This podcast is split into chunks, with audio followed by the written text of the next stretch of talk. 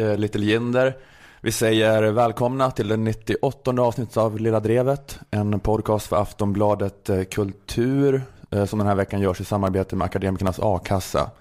Vi som gör programmet den här veckan är jag, Ola Söderholm och Moa Lundqvist och Jonathan Unge, kända som Mojo. Ja, Ja, snyggt. Inte Mojo som är sex appeal, Nej, utan det är bara en lek med begynnelsebokstäverna. ja, jag visste inte att det är väl. Mojo med det. Nej. Är det inte det? Tror du att eh, my, mo, my Mojo stavas mo, Mojo? Ja, Nej, men det är fel. okej. Det är samma som, är, som akronymen med ett namn, fast helt olika betydelser. Mm. Grammatikbråk direkt. Varför uttalas det Mojo då?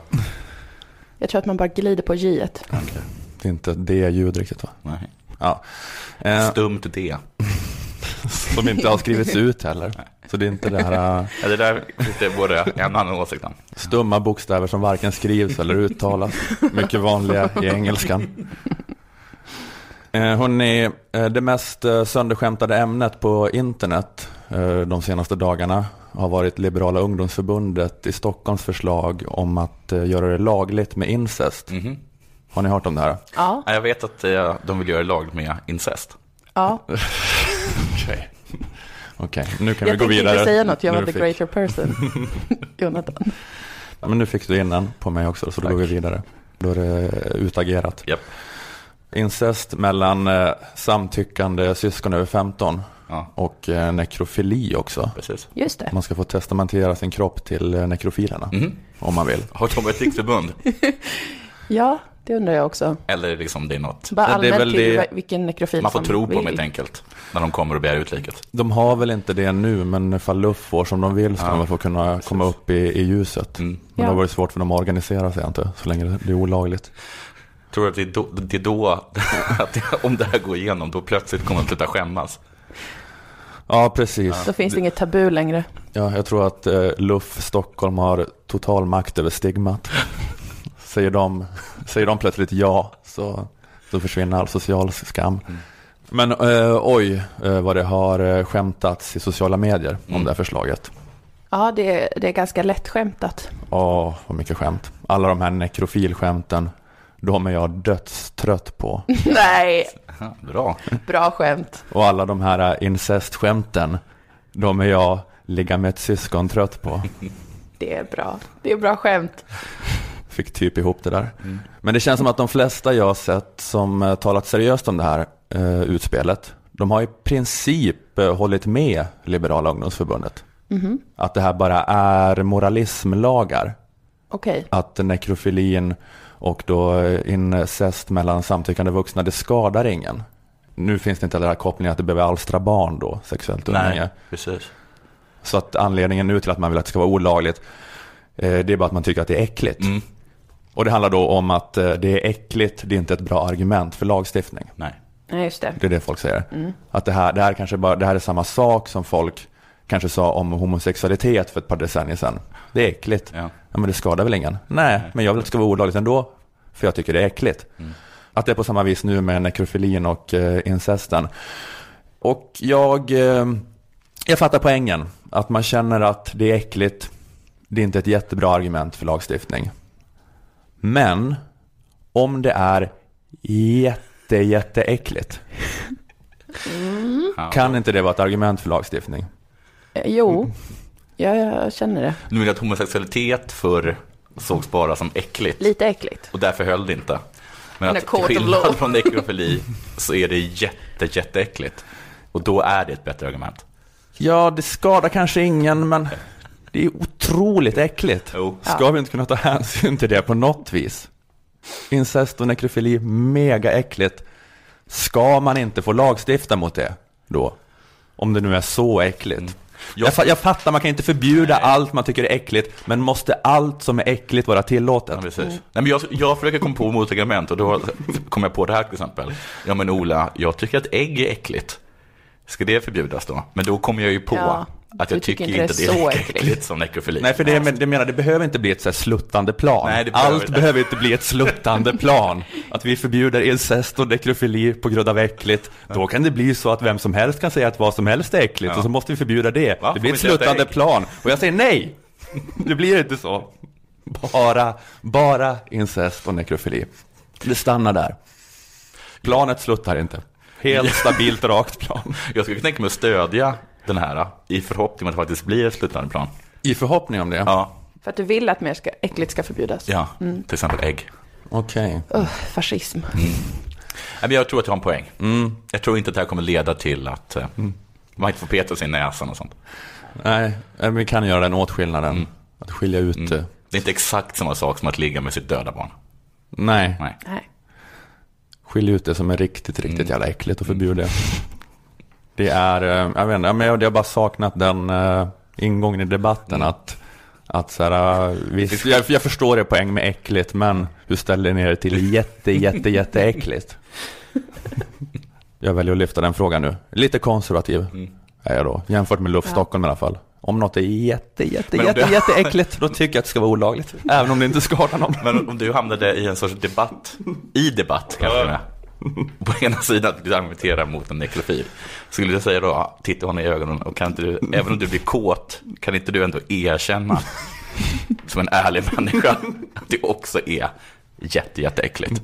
Och sen så tror jag att med din stirrande blick så kommer det att få honom att nog, i alla fall göra så långt, vad heter det, så lång paus att folk förstår att han, Ja, men jag kanske, tycker det. jag kanske ska ta klivet ut i aktivismen. Mm. Att jag ändå hittar någon, någon fråga som jag jag känner att jag bottnar i. Att jag tycker att det är jätte, jätte, jätte, jätte, jätteäckligt.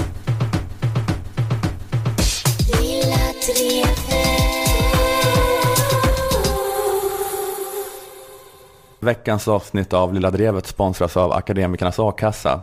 Vi vill uppmana er som lyssnar att gå med i A-kassan. Vilken A-kassa ni ska gå med i, det beror på vilken bransch ni är i.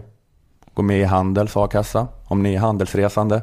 Om ni är västgötaknallar som reser från marknad till marknad, lurar på bönder kattguld. Handels A-kassa. Gå med i IF Metalls A-kassa om ni jobbar med något metalligt. På något sätt. Ja. Och inte guldsmeder och sånt. Det är Ja. väl en metall?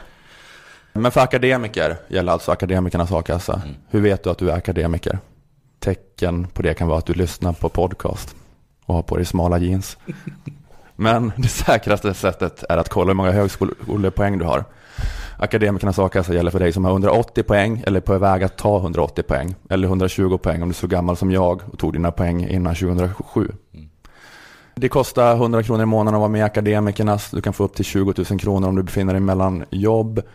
Eh, Kolla på Akademikernas a-kassas räknare hur mycket a-kassa du skulle få ifall du var utan jobb idag. Det kan du fylla i vad du har tjänat senaste året. Få koll på din a-kassa. Eh, aea.se räknare är adressen dit. Eh, Och har du gått med i Akademikernas tack vare den här podden eh, får du gärna berätta om det i sociala medier under hashtag lilla drevet eller skriva det i din ansökan till a-kassan.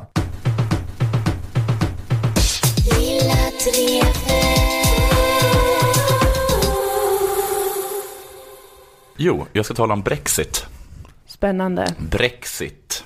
Mm. Det är ett litet ord som kan få stora konsekvenser. Det är framförallt något som alltid ackompanjeras av Should I stay or should I go? Ja, just I svenska det. nyhetsreportage. är det så? Det var Ja. ganska smart faktiskt. Jag skojade om det här om veckan. Jag kan klippa in lite Ja, vad bra. i, i din prata nu också. Ja, perfekt. Är det på nu? Ja, det hör ni. Ett litet ord, det är stora konsekvenser. Till skillnad från sig till exempel vardagsrumsmatta, som är ett betydligt större ord, men med få om några konsekvenser. Tänkvärt. Lite skillnad i temperatur och i vardagsrummets utseende, men inte mer än så. Nej. Ja, vi börjar. Förlåt, jag trodde att det var en poddinspelning. Förlåt att jag kom in här och stör Poetry Slam Jag börjar lite, låta, Jag låta, er, låta er vara i fred. jag börjar lite lättsamt. Brexit. Brexit, det är Storbritanniens eventuella uttåg ur EU. Brexit, ett litet ord med stora konsekvenser. Ett hot som Storbritanniens premiärminister David Cameron drog till med för att sno röster från det EU-skeptiska partiet UKIP. Han myntade ordet. Nej, Nej. det vet jag inte riktigt om han Nej. gjorde. Det, det står lite som de som vill gå ut. De kallas för att de vill göra en Brexit. Men det, liksom, det här med att de skulle gå ut, det var någonting som David Cameron drog till med. För att UKIP hade snott väldigt många röster uh, från de konservativa, eller Tories som de kallar. Han drog till med att nu kör vi en omröstning. Precis, för liksom att eh, se till att, eh, kanske i alla fall i framtiden, få behålla de rösterna. Plus att han eh, han har en ganska eh, röststark EU-skeptisk falang inom sitt eget parti. Ja, för att han vill ju vara kvar. Han vill vara kvar, ja. Men med nya Och- villkor. Och jag skulle nästan säga, gissa också att majoriteten av Tories också egentligen vill- vara kvar. Men vi kommer till det lite senare. Efter att eh, Cameron åkte till Bryssel förra veckan tror jag, eller om det var förra, förra eh, för att få igenom ett antal krav på EU, vilket han delvis lyckades med, så har han gått ut nu och sagt att han kommer ställa sig på den sidan som vill bli kvar i EU i folkomröstningen. Nu har jag fått igenom de här kraven, då känner jag att jag lugnt kan ställa mig på stanna kvar-sidan Just det. i den här folkomröstningen som jag drog till med. Och den ska hållas den 23 juni 2016. För tillfället är det 38 procent som vill lämna, 37 vill stanna, 25 procent vet inte eller tänker inte rösta överhuvudtaget. Och så, men det, det är lite fördel för de som vill Ja, det är en lämna. procent fördel. hittills. Det har sjunkit. Det är, allt- men det är minst sagt jämnt, Mm. får man hålla med om. Och den här eh, lämna-sidan, de hotar med massimmigration om de stannar kvar. Och stanna-sidan hotar med ekonomiskt haveri om de inte stannar kvar. Och Skottland hotar med att lämna om man lämnar. Oj, oj, oj. Det är många Om man, hot. okej. Skottland tänker rösta igen om att bli självständiga om eh, man går ur EU. För de vill vara kvar i EU. Okej. Det var bland annat en av de grejerna som gjorde att vissa röstade för att stanna i, eh, i, i Storbritannien. eh, För att man var osäker på att om man gick ur Storbritannien, om man då samtidigt gick ur EU. EU. Oj, oj, oj. Oj, oj, oj. Nervigt. Mm. Knivigt läge. Knivigt som satan. Stanna kvar-sidan är profileras då framförallt av eh, David Cameron. Han som hotade med att gå ut. Mm. Eh, Medan lämna-sidan haft lite tunt med profiler till för några veckor sedan då politikern eh, och Londons borgmästare Boris Johnson eh, gick ut offentligt med att vilja gå ur EU. Så vem är då denna Boris Johnson? Även kallad Bojo. Ganska lik Mojo. Men det stavas inte med D, bland annat. Han beskrivs av vänner som underhållande, humoristisk och populär. Av ovänner beskrivs han som lat, ohederlig samt en populist.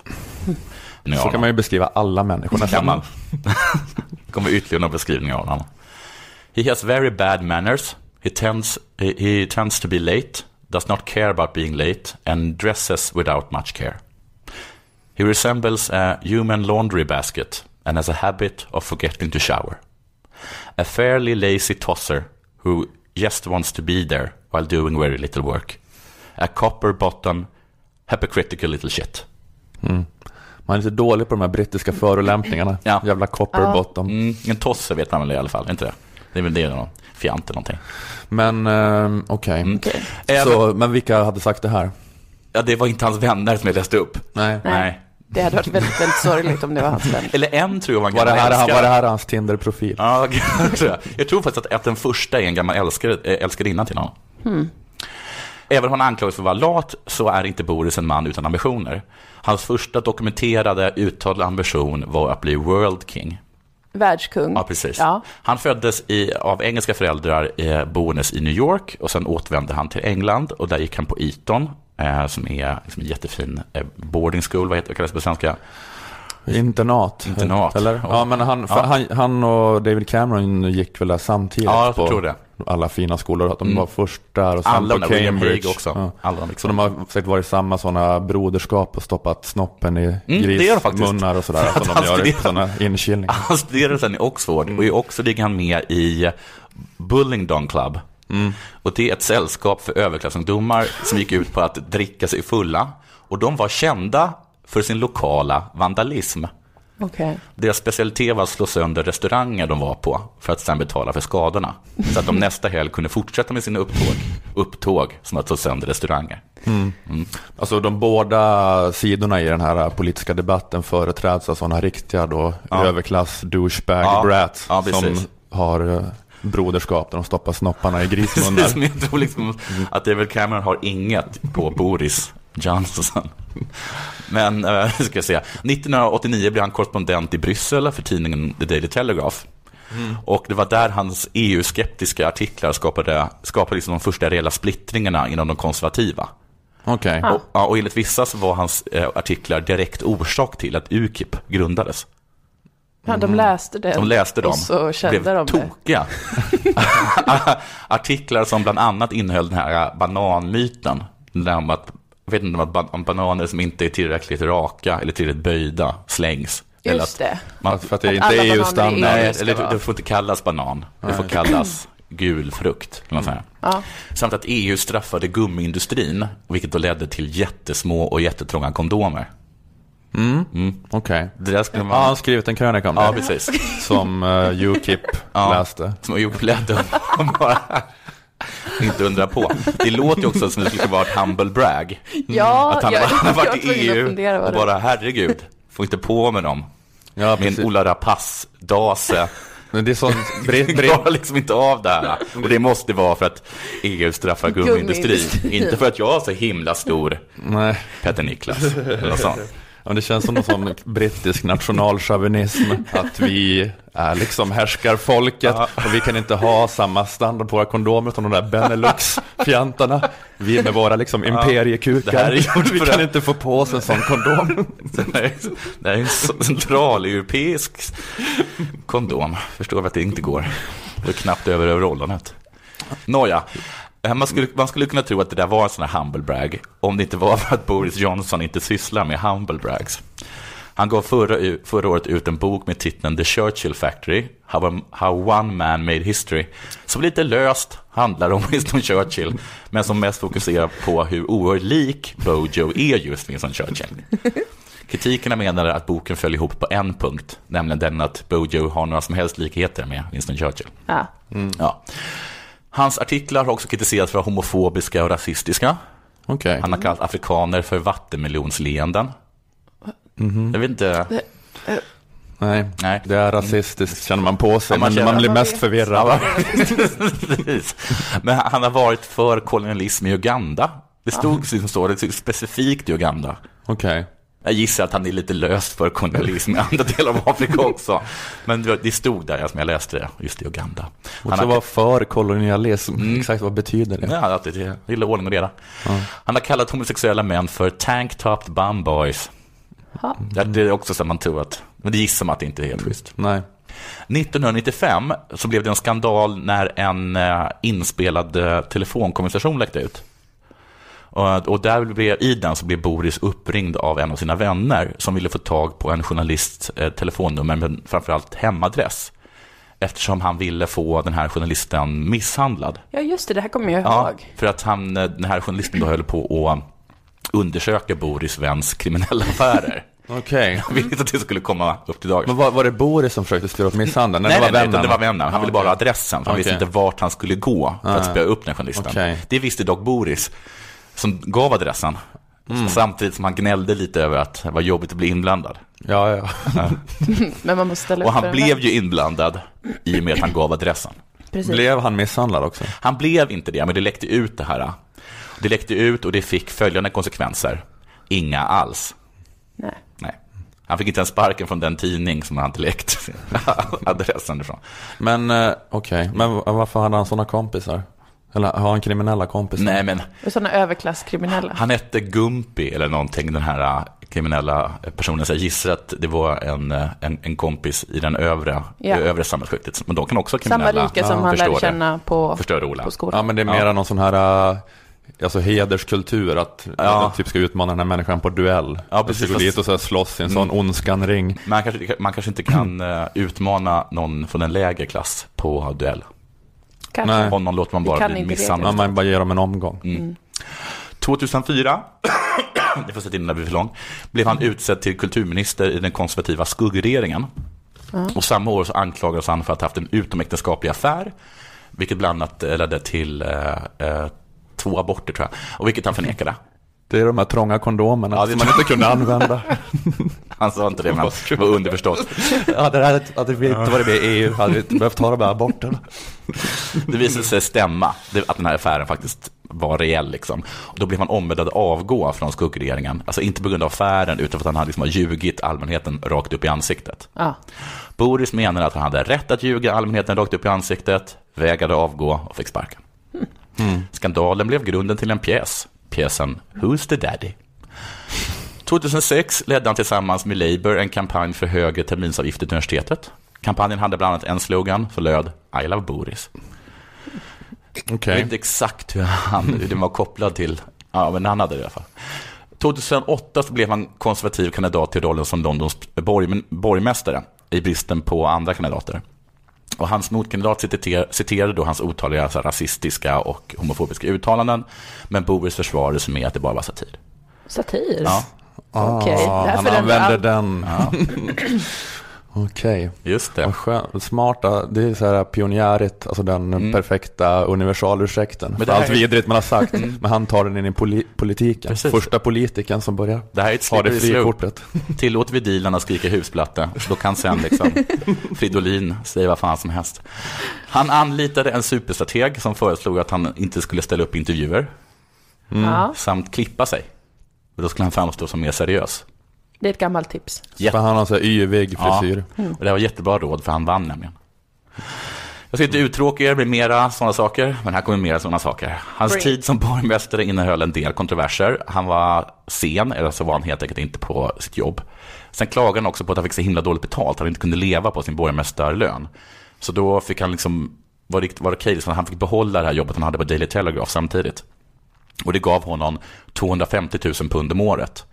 Och eh, Var han typ krönikör? Ja, eller? precis. Och han menade då att det var, han blev frågad om det av BBC, om, om de här extra pengarna, men det sa han att det, det där är, som, det är kycklingföda, det går inte att leva på.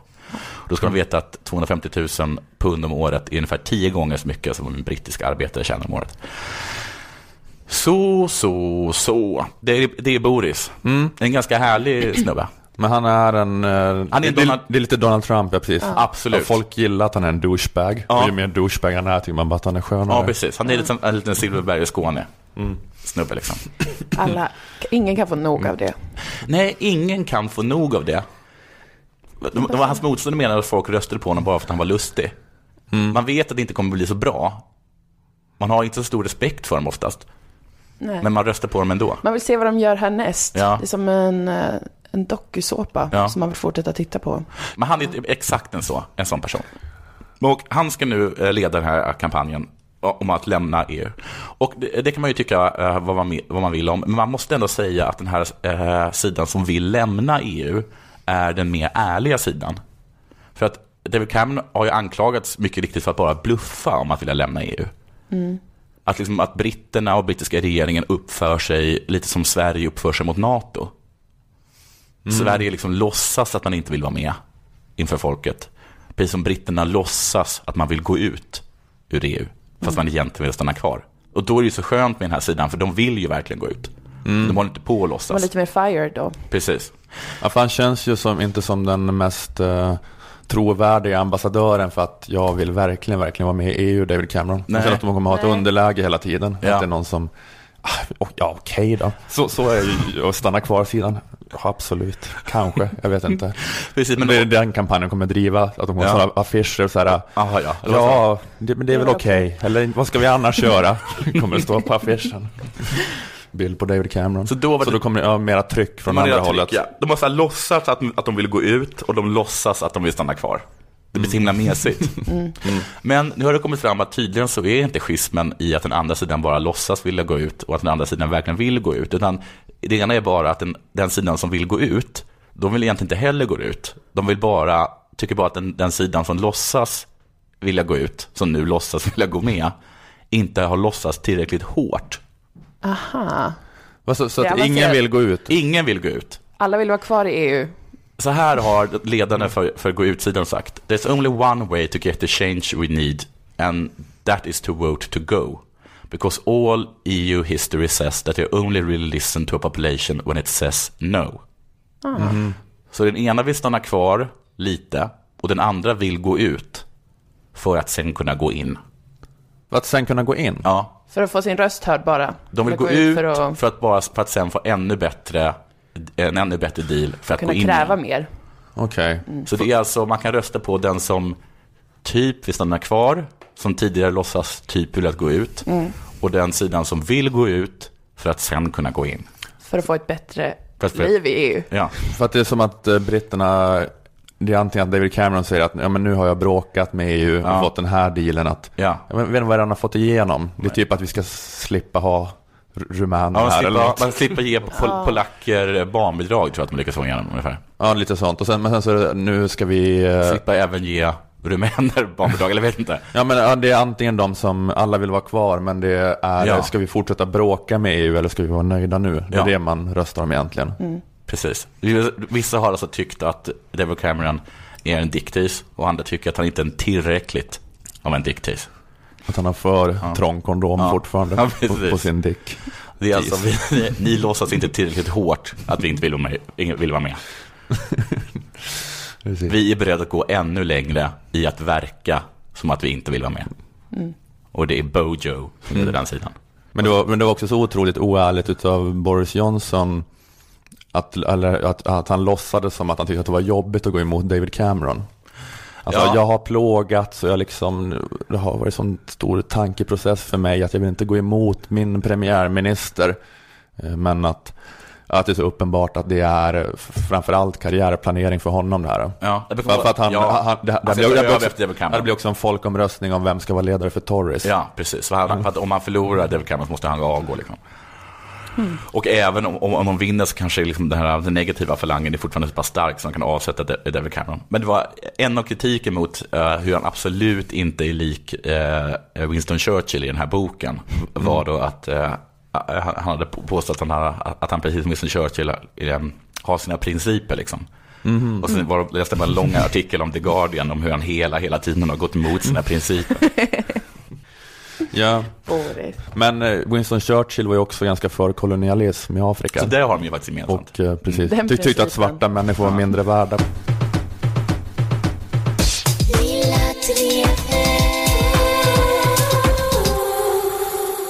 Ja, men vi går vidare. Jag, eh, jag hörde det här eh, på P1 Kulturnytt. Igår höjde statsknutna medier i Iran ersättningen för att mörda den brittiske författaren Salman Rushdie med 600 000 dollar, alltså närmare 5 miljoner kronor. De höjde, Va? Jag hade hört att den var nedlagd. nej, den har varit, nej, jag tror att den varit lite nedlagd, men den har varit lite lågintensiv ibland. Och sen så, men nu gör de ett nytt ryck. Skruva upp tempot. Vi kanske kan dra bakgrunden här. Mm. År 1989 eh, utfärdade den iranska ayat- ayatollan en fatwa om att den indisk-brittiske författaren Salman Rushdie skulle mördas för att ayatollan upplevde att Rushdie var taskig mot islam Mm. i sin bok Satansverserna.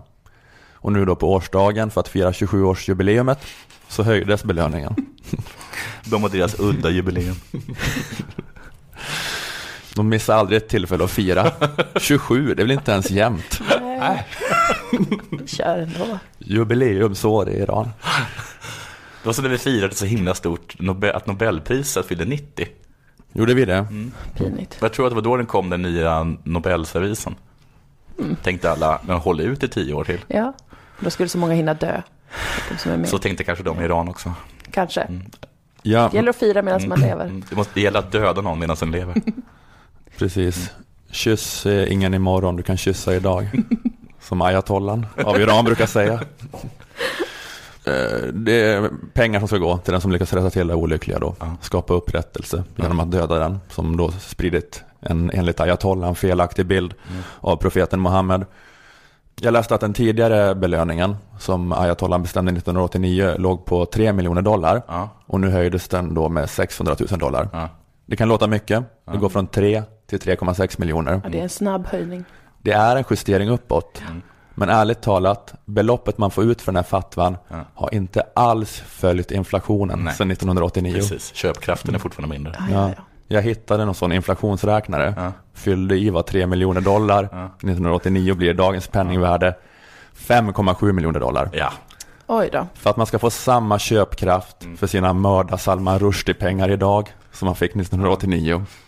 Då skulle inte fatwan höjts med 600 000 dollar utan med 2,7 miljoner dollar. bara resan från Teheran till var någonstans i USA han bor, eller Storbritannien, har ju gått upp med 230 procent. Det är för dåligt. Jag känner... Men det är lite av en parallell till det som har hänt med svenska välfärdsstaten sedan 70 och 80-talen. Mm. Den här urholkningen. Ersättningarna som socialförsäkringssystemen kan betala ut. Det har inte alls kunnat följa inflationen och löneutvecklingen. Och det är det vi ser i Iran nu. Mm.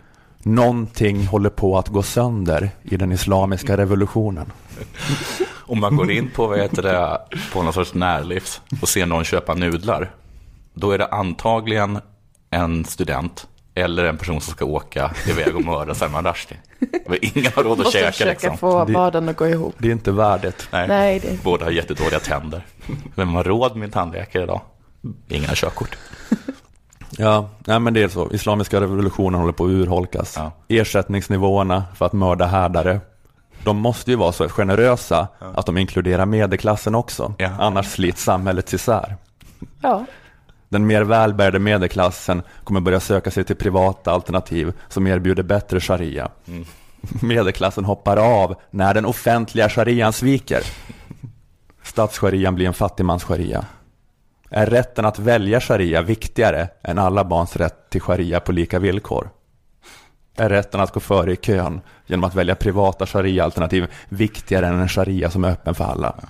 Alltså folk som vill döda Salman Rushdie och behöver glasögon.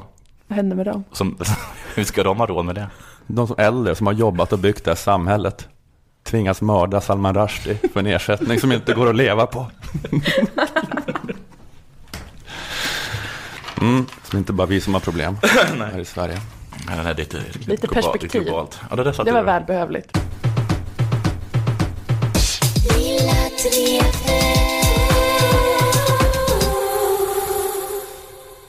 Jag tror eh, att vi alla blev drabbade av kulturnyheten i Expressen om att Anna Bok meddelat via appen Periscope att arga snickaren har förstört hennes lägenhet.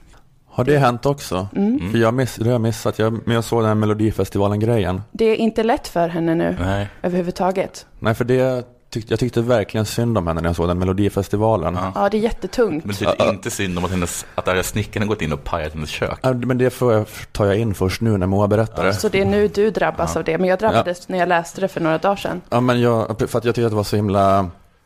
Hon blev diskad för att den där låten hade varit med i Makedoniens uttagning eller något skit. Var... Jag, blev så, jag blev så trött på att titta, titta på Twitter på alla mediamänniskor som skulle hålla på och raljera över varför skriver ni om det här? Eller, eller driva, åh vad synder om Anna Bok, ironiskt. De gjorde så här meanwhile in Syria, Syria Ja. skämt hela tiden. Alla mediamänniskor som alltid själva är så himla coola och prestigelösa med sina karriärer. De Say hello to a new era of mental health care. Cerebral is here to help you achieve your mental wellness goals with professional therapy and medication management support. 100% online. You'll experience the all new Cerebral Way, an innovative approach to mental wellness designed around you. You'll get a personalized treatment plan from a therapist, prescriber, or both in a safe and judgment free space. Your Cerebral therapist or prescriber will outline a customized plan with clear milestones along the way so you can get to feeling your best. With Cerebral, you're not alone in your mental health journey. We're here to empower you to live a fulfilling life. So take that first step towards a brighter future and sign up today at cerebral.com slash podcast and use code ACAST to get 15% off your first month. Offer only valid on monthly plans. Other exclusions may apply. Offer ends July 31st, 2024. See site for details. Ja, de meanwhile in Syria. men den där Meanwhile in Syria-skämten, de satt i halsen när de insåg att sen så kom- arga snickaren in. Ja, Anna Och slog- Bok har det och verkligen samtidigt inte slog så. sönder hennes köksö. Så då funkar inte Syrien liknande Nej, som jo, som det man Nej, vill. för att det sätter ingenting i perspektiv Nej. egentligen. Lika sorgligt ändå. Men i alla fall. Jag var i alla fall team Anna Bok vill jag bara, vad Ja, det jag jag säga, kort passus där, när det gäller Melodifestivalen. Nu får jag höra om det här. Okej. Ja, Jag är enligt team Anna Anna Bok. Snickaren och Moldavien. Ni är omöjliga grabbar.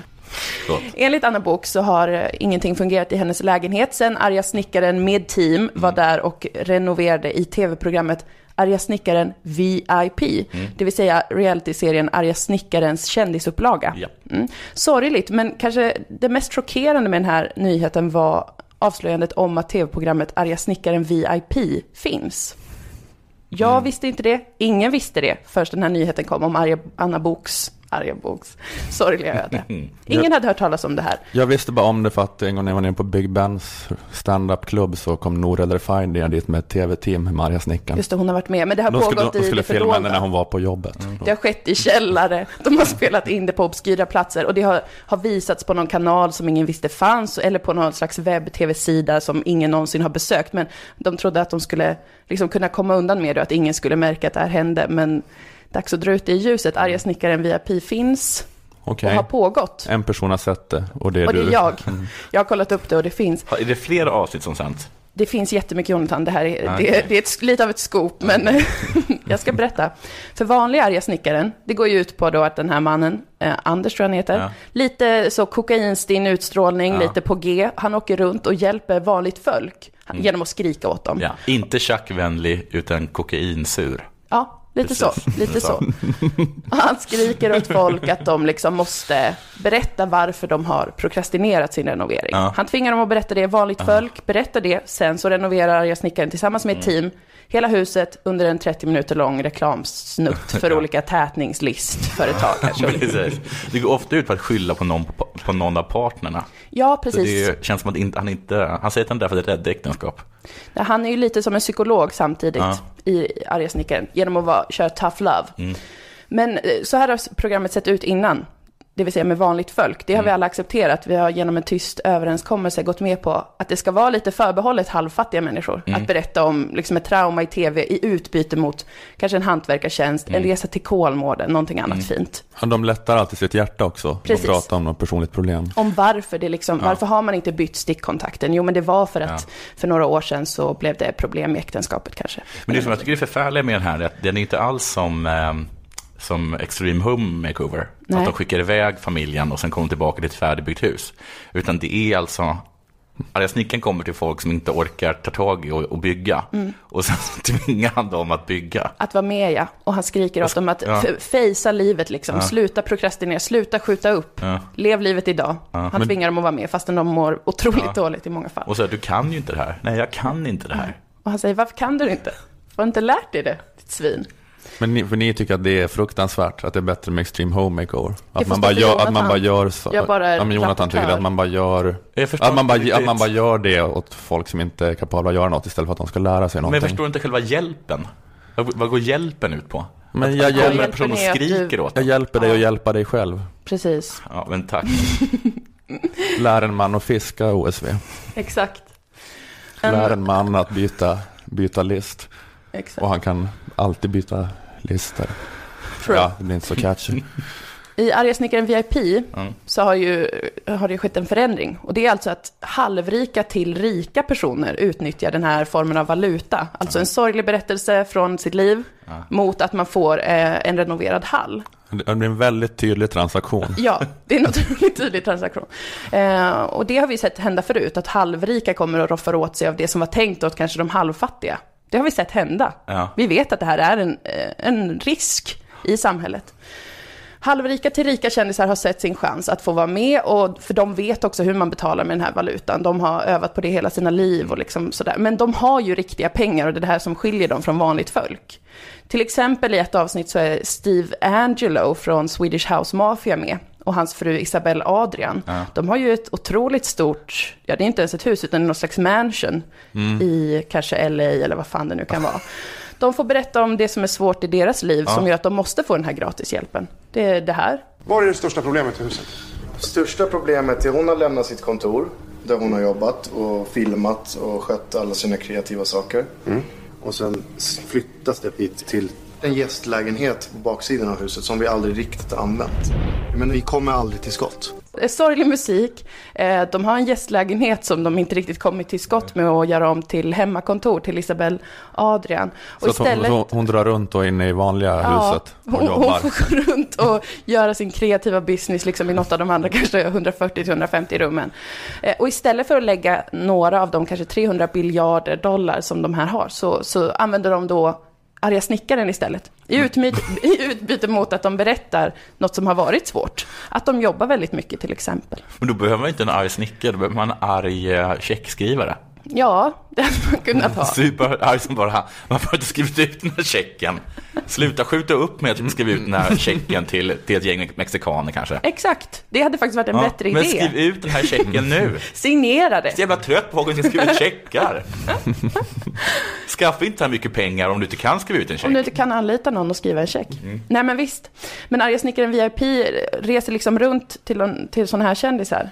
Eller ja, men mer eller mindre Ja. kända människor. Men han fixar liksom Tommy Körbergs 1800-talshus, Mm. Gudrun Schymans Skånelänga, Anders Bagges herrgård, E-Types hundratusentals olika hus och båtar som han har köpt och, eller vad fan det nu är för någonting. Och sen så är, åker han åker till Henrik Schyffert och Per Sinding Larsens jaktstuga. Allt är autentiska exempel. Ja, Får fråga?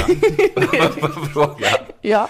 Eh, är, är de med på E-Types vikingaby? Nej, de är hemma hos honom, men där har han också olika båtar och jättemånga hus. Han har verkligen jätte, jättemånga hus. Men han kan inte ta hand om dem. han har köpt hus. så många hus. Vilket ju är jättetråkigt. Och allt det här får ju de här kändisarna då gratis. För att de repeterar sina berättelser om något svårt i livet som fick dem att prokrastinera. För ni vet att det är så det funkar med prokrastinering. Ja. Att något, något väcker obehag och så skjuter man upp det och så blir det bara jobbigare och jobbigare i längden. Och då kan man ofta backtracka det till kanske något jobbigt som hände när man blev lämnad. Eller någonting sånt. Usch, undrar varför jag gör det. Ja, det får en att tänka.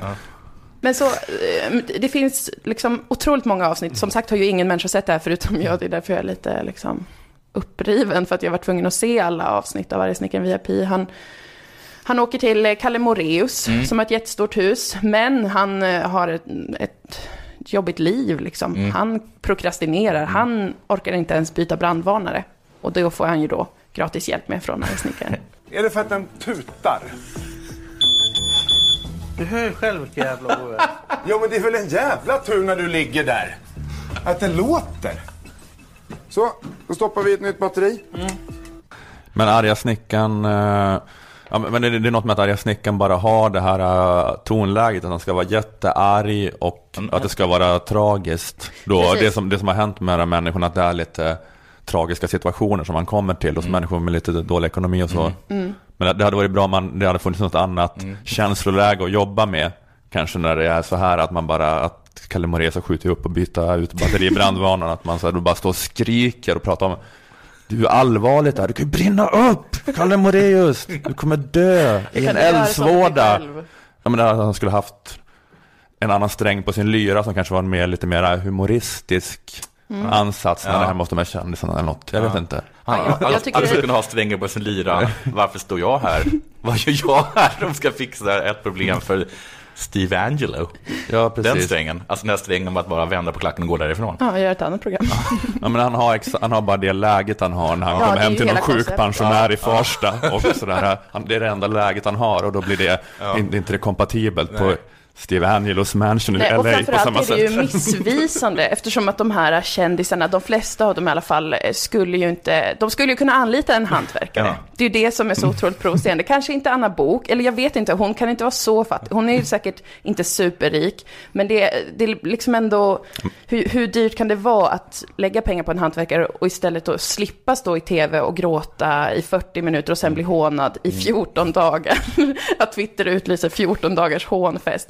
Det hade varit lite liksom, det hade varit en mindre investering att anlita en hantverkare, Men för, eller för, hur? för Twitter plockade upp just Anna Bok. Ja, precis, Inte de var- andra kändisarna. Ja, specifikt Fan henne. för den här hetsjakten ja. mot Anna Bok. Men alltså. eftersom, men eftersom de, de här människorna betalar med valutan något fruktansvärt har hänt, Ja. så genererar det här bara ännu mer som valuta. Precis. Alltså, hon kan ju betala med den här storyn om att Arga Knicka- Arga Snickaren kom hem och förstörde hennes köksö Ja.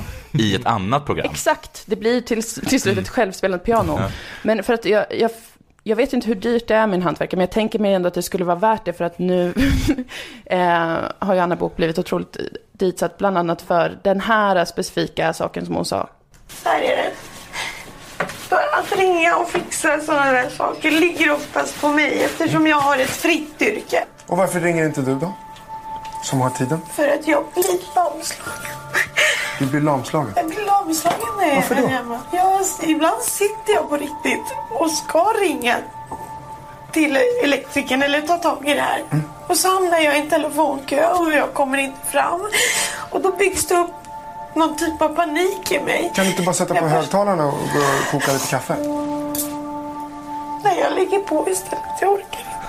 Otroligt sorgligt, en människa som har panikångest och kanske är utbränd, eh, men som arga snickaren då ska skälla ut för det och så vidare och så vidare. Det är ju, jag tycker att det är viktigt att vi noterar att det här programmet alltså finns och pågår. Jag nu känner mig så himla, himla mycket för Anna Bok. Ja. Exakt sådär. Och också av alla de här du räknar upp så är faktiskt Anna Bok den jag kan förstå poängen med det i att jag tror inte att hon har så mycket pengar. Hon Nej, jag tror inte hon har så mycket pengar faktiskt. Så där kan det nog vara ett väldigt bra alternativ. Ja. Att snyfta lite utbyte mot en köksö. Och det var inte bara en köksö utan det var hela lägenheten, Mm. vet ni. Ja, Anna Book kanske är ett eh, undantag på det sättet, men hon borde kanske inte vara med i Arga snickaren VIP, eller Arga snickaren heller. Jag vet, jag säkert berättat tidigare, men jag gick en gång till en revisor för att jag inte kunde betala mina räkningar Mm. och, och sa att jag behövde hjälp. Mm. Och då sa de, vi ska absolut ge dig hjälp. Här är hjälpen. Ta alla dina räkningar, lägg dem i ett hörn någonstans och sen den 25 varje månad så betalar du dem. ja, tack för den arga snickaren. Ar, ar, arga revisorn. Arga revisorn skällde ut dig. För du ville ha liksom en god man, men de eh, förstod inte. Nej, de fattar inte. Fy fan vad sorgligt. De bara, uh, meanwhile in Syria. Jag bara, men lägg av. Arga revisorn. Ja, det, ja, det är lite dåligt faktiskt att man, man, om man har som arbetsbeskrivning att jobba med sådana fuck-ups och sen så bara, men bara betala räkningarna. Bara testa Bara- bara betala dem. livet.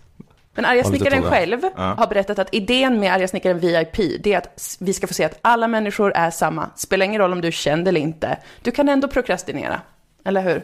Vi är alla samma när det kommer till renovering. Vi kan alla börja skjuta upp något, glömma byta ut någon stickkontakt och så vidare. Och sen så bara byggs det upp och blir hemskt. Men eh, frågan är ju, är det verkligen så? Är det inte en viktig skillnad att en människa som är miljonär har råd att köpa en hantverkartjänst?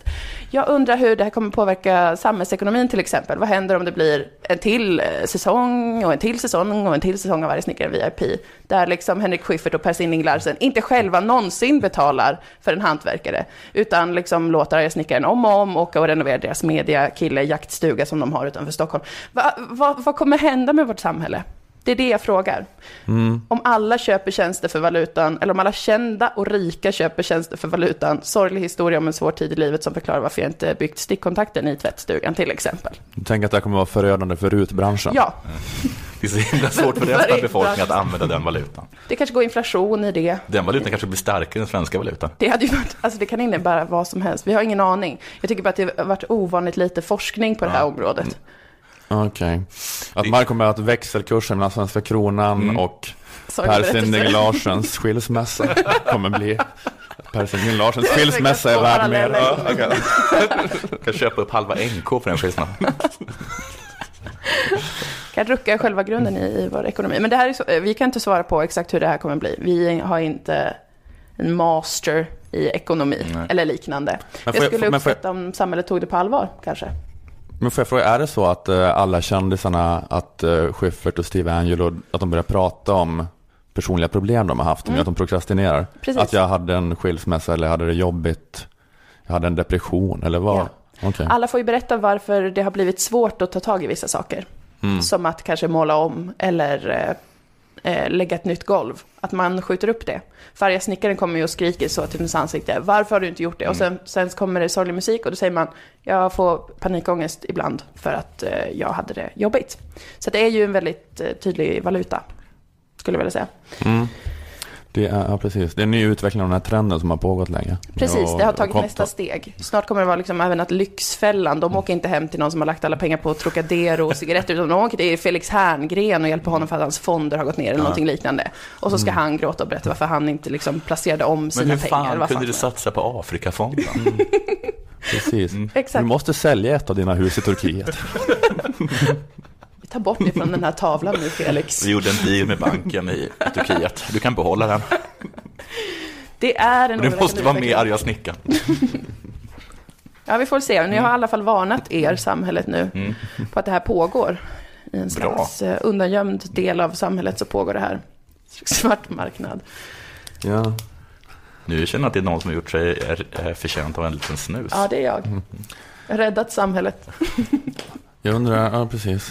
Och vad mer kan kändisar köpa för sina sorgliga berättelser? Jag tror allt människan har gjort. Ja, en slottsweekend. Ja.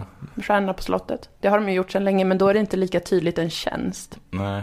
Men, där, men också där, de, det är det jag menar att de här programmen bara ger ännu mer sån. Alltså Morgan Alling hade ju den valutan i att han blev, vad var det, såld på auktionen eller sånt. Ja. Illa behandlad. Ja, jätte- Om fosterbarn som blev illa sen behandlade. åker han då och, be, och betalar med den, får, en, får, en, resa, får en, en vecka på ett slott för den, för Ja. den valutan. blir hånad av Claire Wikholm, får då mer Precis. pengar, kan använda den arga snickaren till exempel. Ja, just det. Ja, Morgan, Morgan Alling är med snart med han Ja. Anders, arga snickaren. Ja, varför har du byggt ett, klart ditt utedass? Jo, men Claire Wikholm. hånade mig när jag skulle berätta om att jag blev såld som barn. Det blir en helt parallell ekonomi som Ja. kommer utvecklas där man aldrig använder liksom pengar överhuvudtaget, utan det är bara utbyte av olika tjänster och sorgliga berättelser. Mm, sen är han med i Kändislyxfällan. Så alltså, varför har du Ja. missbrukat Red Bull? Det är alltid det de gör va? I Lyxfällan. Jag vet inte.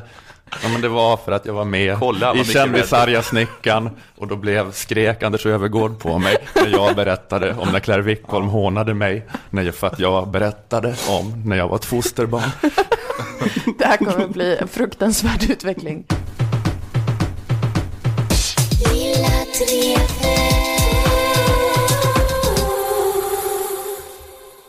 Ja, jag, jag såg en dokumentär på SVT som heter Skuldmaskinen Ja. Eh, som handlar om EUs skuldkris. Var det någon som såg den? Nej. Nej, jag vill gärna att folk ska tro att jag har sett den. Mm. Men jag har inte gjort det. Okej, Eh, du agerar helt fel då, ifall, du det, Ja, ifall det är det intrycket du vill ge. Och din ärliga oärlighet. Men det var bara en intressant liknelse i den, eh, som jag inte har hört förut. En liknelse som förklarade eurokrisen. Och det är att valutaunionen gör hela Europa till det Italien alltid har varit. Alltså? Med den skillnaden att i fallet med Europa vill inte Nord ge pengar till Syd. Mm. För att det, att det blir en ond spiral när områden som är extremt olika ekonomiskt utvecklade och effektiva när de ska ha samma valuta. Att de mer effektiva områdena blir allt rikare medan de outvecklade områdena i periferin får allt värre problem. För att det, sen Italien enades, typ 1870, har det inte gått att få södra Italien att bli lika ekonomiskt framgångsrikt som norra Italien. De rikare delarna tar för sig. Ja, klyftan blir bara värre. Att Italien, är väldigt, Italien, Italien är väldigt speciellt på det viset. Att eh, norra Italien är typ som Tyskland. Och södra Italien är ett jägar-samlarsamhälle. Nej, det överdrev jag. Men jag tror att det är så att Syditalien har nästan varit ännu mer än vad det är i Grekland. Om man ser Syditalien som en separat grej så är det ännu mer än i Grekland. Den här för moderna ekonomiska systemet med patroner och tjänar och klientelismen som det kallas. Men hade södra Italien varit ett eget land eller ett eget valutaområde då hade de kunnat konkurrera med att ha en valuta som är mindre värd. En mindre effektiv och utvecklad ekonomi kan konkurrera med att vara billigare och på så vis kanske få igång export och jobb eller turism eller något.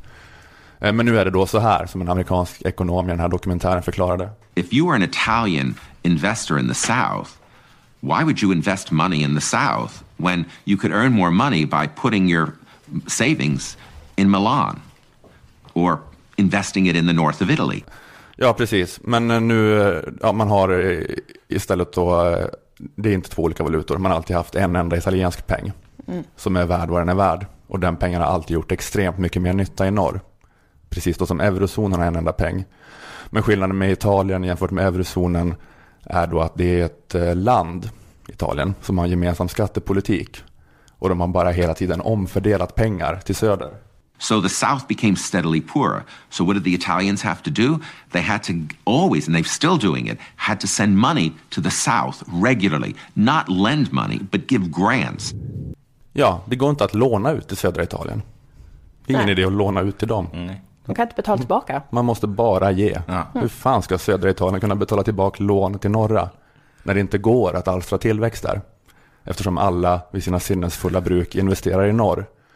Så det är det som bara pågått i hundra år. Norra Italien har bara kastat sina Fiat-pengar på södra Italien. Hoppats att inte allt hamnar hos maffian. Och eh, de fattiga länderna i Europa, de får då nackdelen med att vara södra Italien. Alltså din möjlighet att göra något själv har tagits ifrån dig. För att eh, du får inte hålla på med din egen penning och räntepolitik. Utan du måste hålla på med en penning och räntepolitik som är anpassad för Milano. Men de får inte fördelen av att vara södra Italien, alltså allmosor. Det, det är att vara den fattiga delen av ett land utan att få glesbygdsstöd. Jag vet inte, då är det så här, vad, vad ska man göra? Man måste antagligen skapa en så här federal skattestat som gör stora skatteöverföringar, omfördelar massor med pengar från typ Finland och Tyskland till Grekland och Portugal. Och det vill ju inte de. Nej. De säger vi vill inte ge pengar till grekerna. Men vi måste.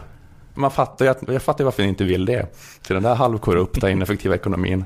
Vi vill inte det, men, men vad fan trodde ni också? vad trodde ni skulle att Grekland hända? skulle fixa det.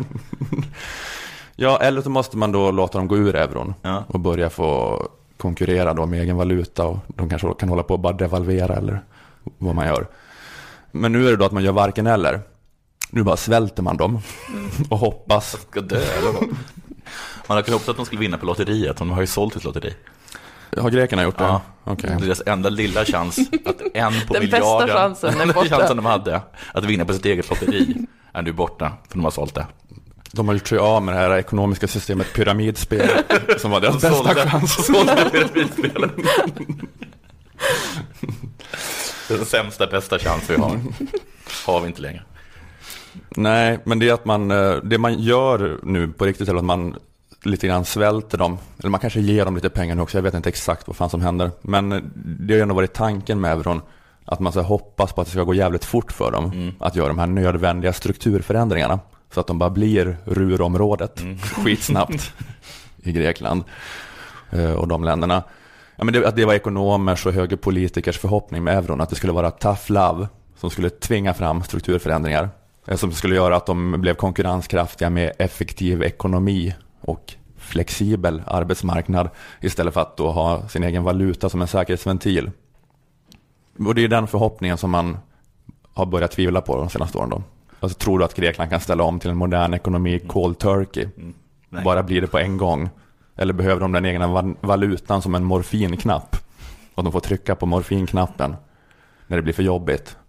Den här morfinknappen då gör utvecklingen lite långsammare. Men lite skönare. Ja, den gör kanske också att man inte dör. Nej. Ja. Du håller kvar den där nere lite grann för det är så skönt att trycka på morfinknappen. Så här, sänka värdet på valutan. Eh, så att det, då kanske man fortsätter, då fortsätter de med sin ja, men lite halvkorrupta skit. Men det har ju ändå funkat på något vis liksom. Det är väl bättre än att bara strypa dem. Att de får hålla på och ha billig olivolja och billig grekisk sallad när man kommer dit. Ska vi ha sp- spritutbyte, eh, utbyte, eller ska vi låta dem dö bara? Ja, exakt. Det är som svensk narkotikapolitik. Den är så här moralistisk. Att vi, eh, borde det- det- klara sig. De ska inte hålla på och knarka med den där devalveringarna. Ja, gör de inte det så dör de. Precis, man gör, ja, det är en väldigt bra liknelse. Man gör, man gör det där, göra det bästa till det möjligas fiende. Mm. Om de inte kan vara perfekt lutheranska, då får det vara. ja, men det är, så här, det är det som händer nu då, att eh, man bara svälter och hoppas på att det här ska hända snabbt som fan. Så det är bara frågan, vad händer först? Är det effektiv ekonomi i Grekland eller nazistrevolution i Grekland? Boris Johnson säger nazistrevolution. Ja, men det lutar lite åt det. Det är väl 100% arbetslöshet Mm. och Gyllene gryning har, alla älskar dem. Ja, men jag vet inte, jag bara, mm, jag hade ingen vinkel Nej, eller något egentligen, bara, vinkel. bara, bara lite information. Ja. Ja.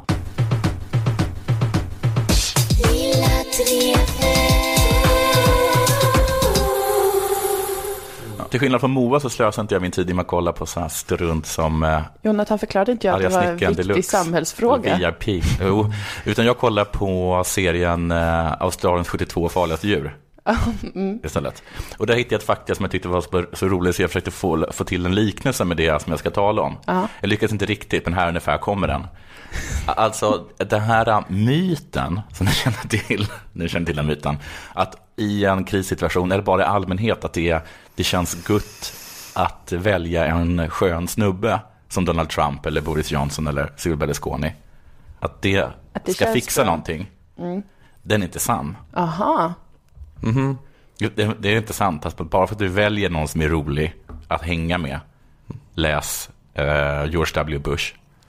Han bland annat på för att, man, kunde- att folk ville hellre ta en öl med, med George W. Bush än med, eh, Al Gore. än med Al Gore.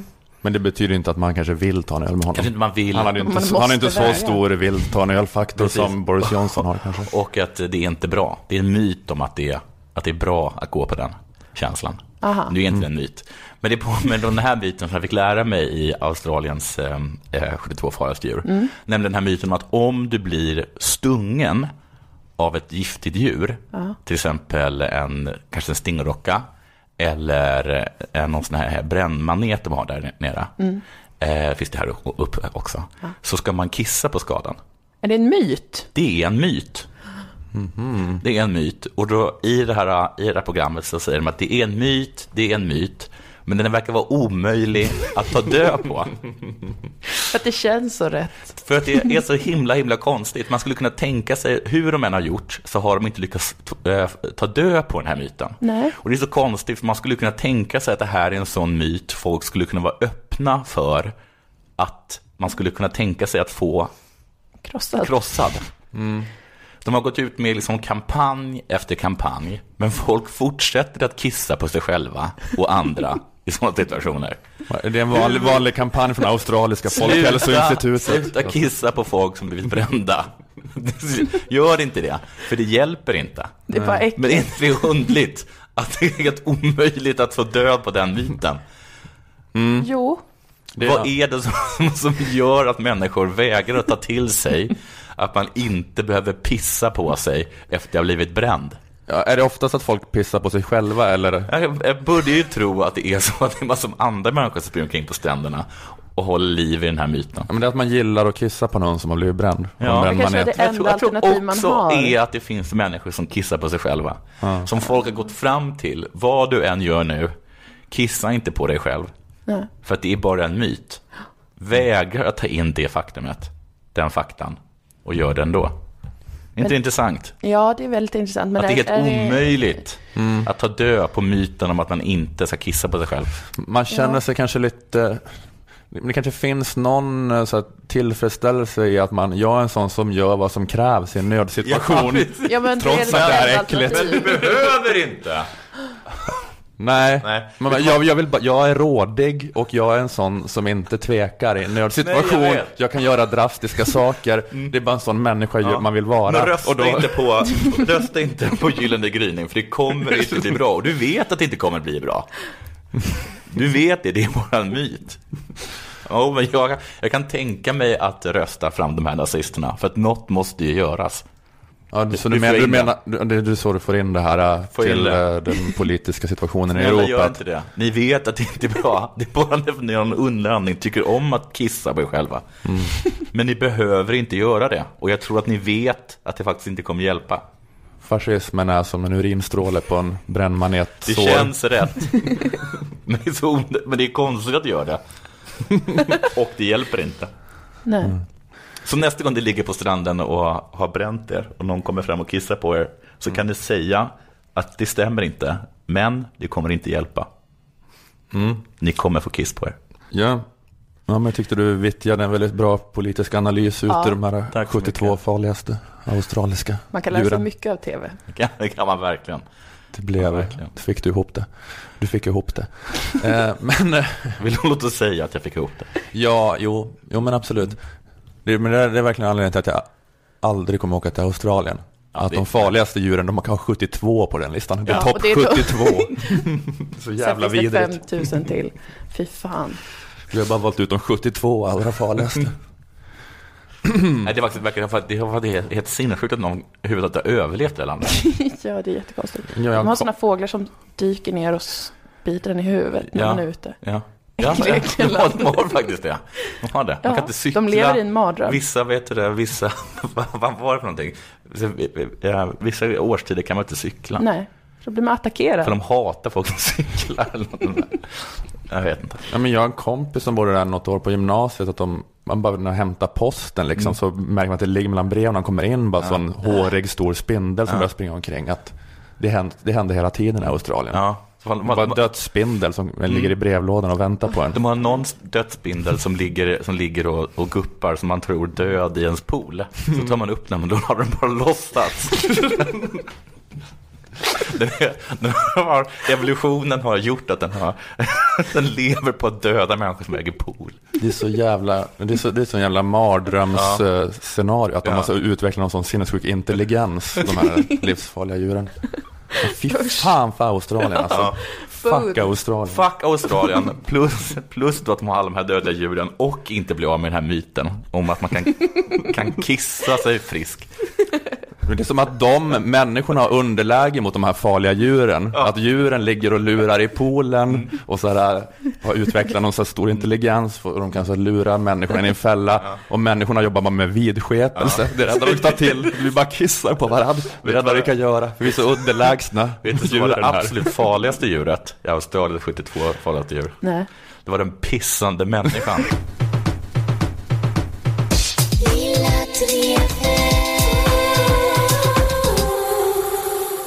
Vi, vi ska gigga båda två på samma kväll du och jag Moa. Det är Ja. slutsålt i Stockholm. Men på onsdag den 2 mars i Uppsala Mm. ska vi vara.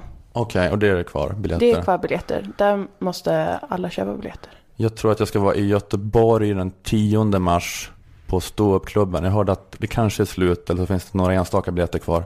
Ni kan eh, skynda er ifall ni är intresserade och kolla det. Och Jonathan, du kommer ut med Della Sport Ja, Tour och mars Sämst. i Halmstad. Tredje mars, tror Växjö. Fjärde mars Malmö. Så Spännande. kom gärna och, och, eh, och lyssna. Tour de Sport.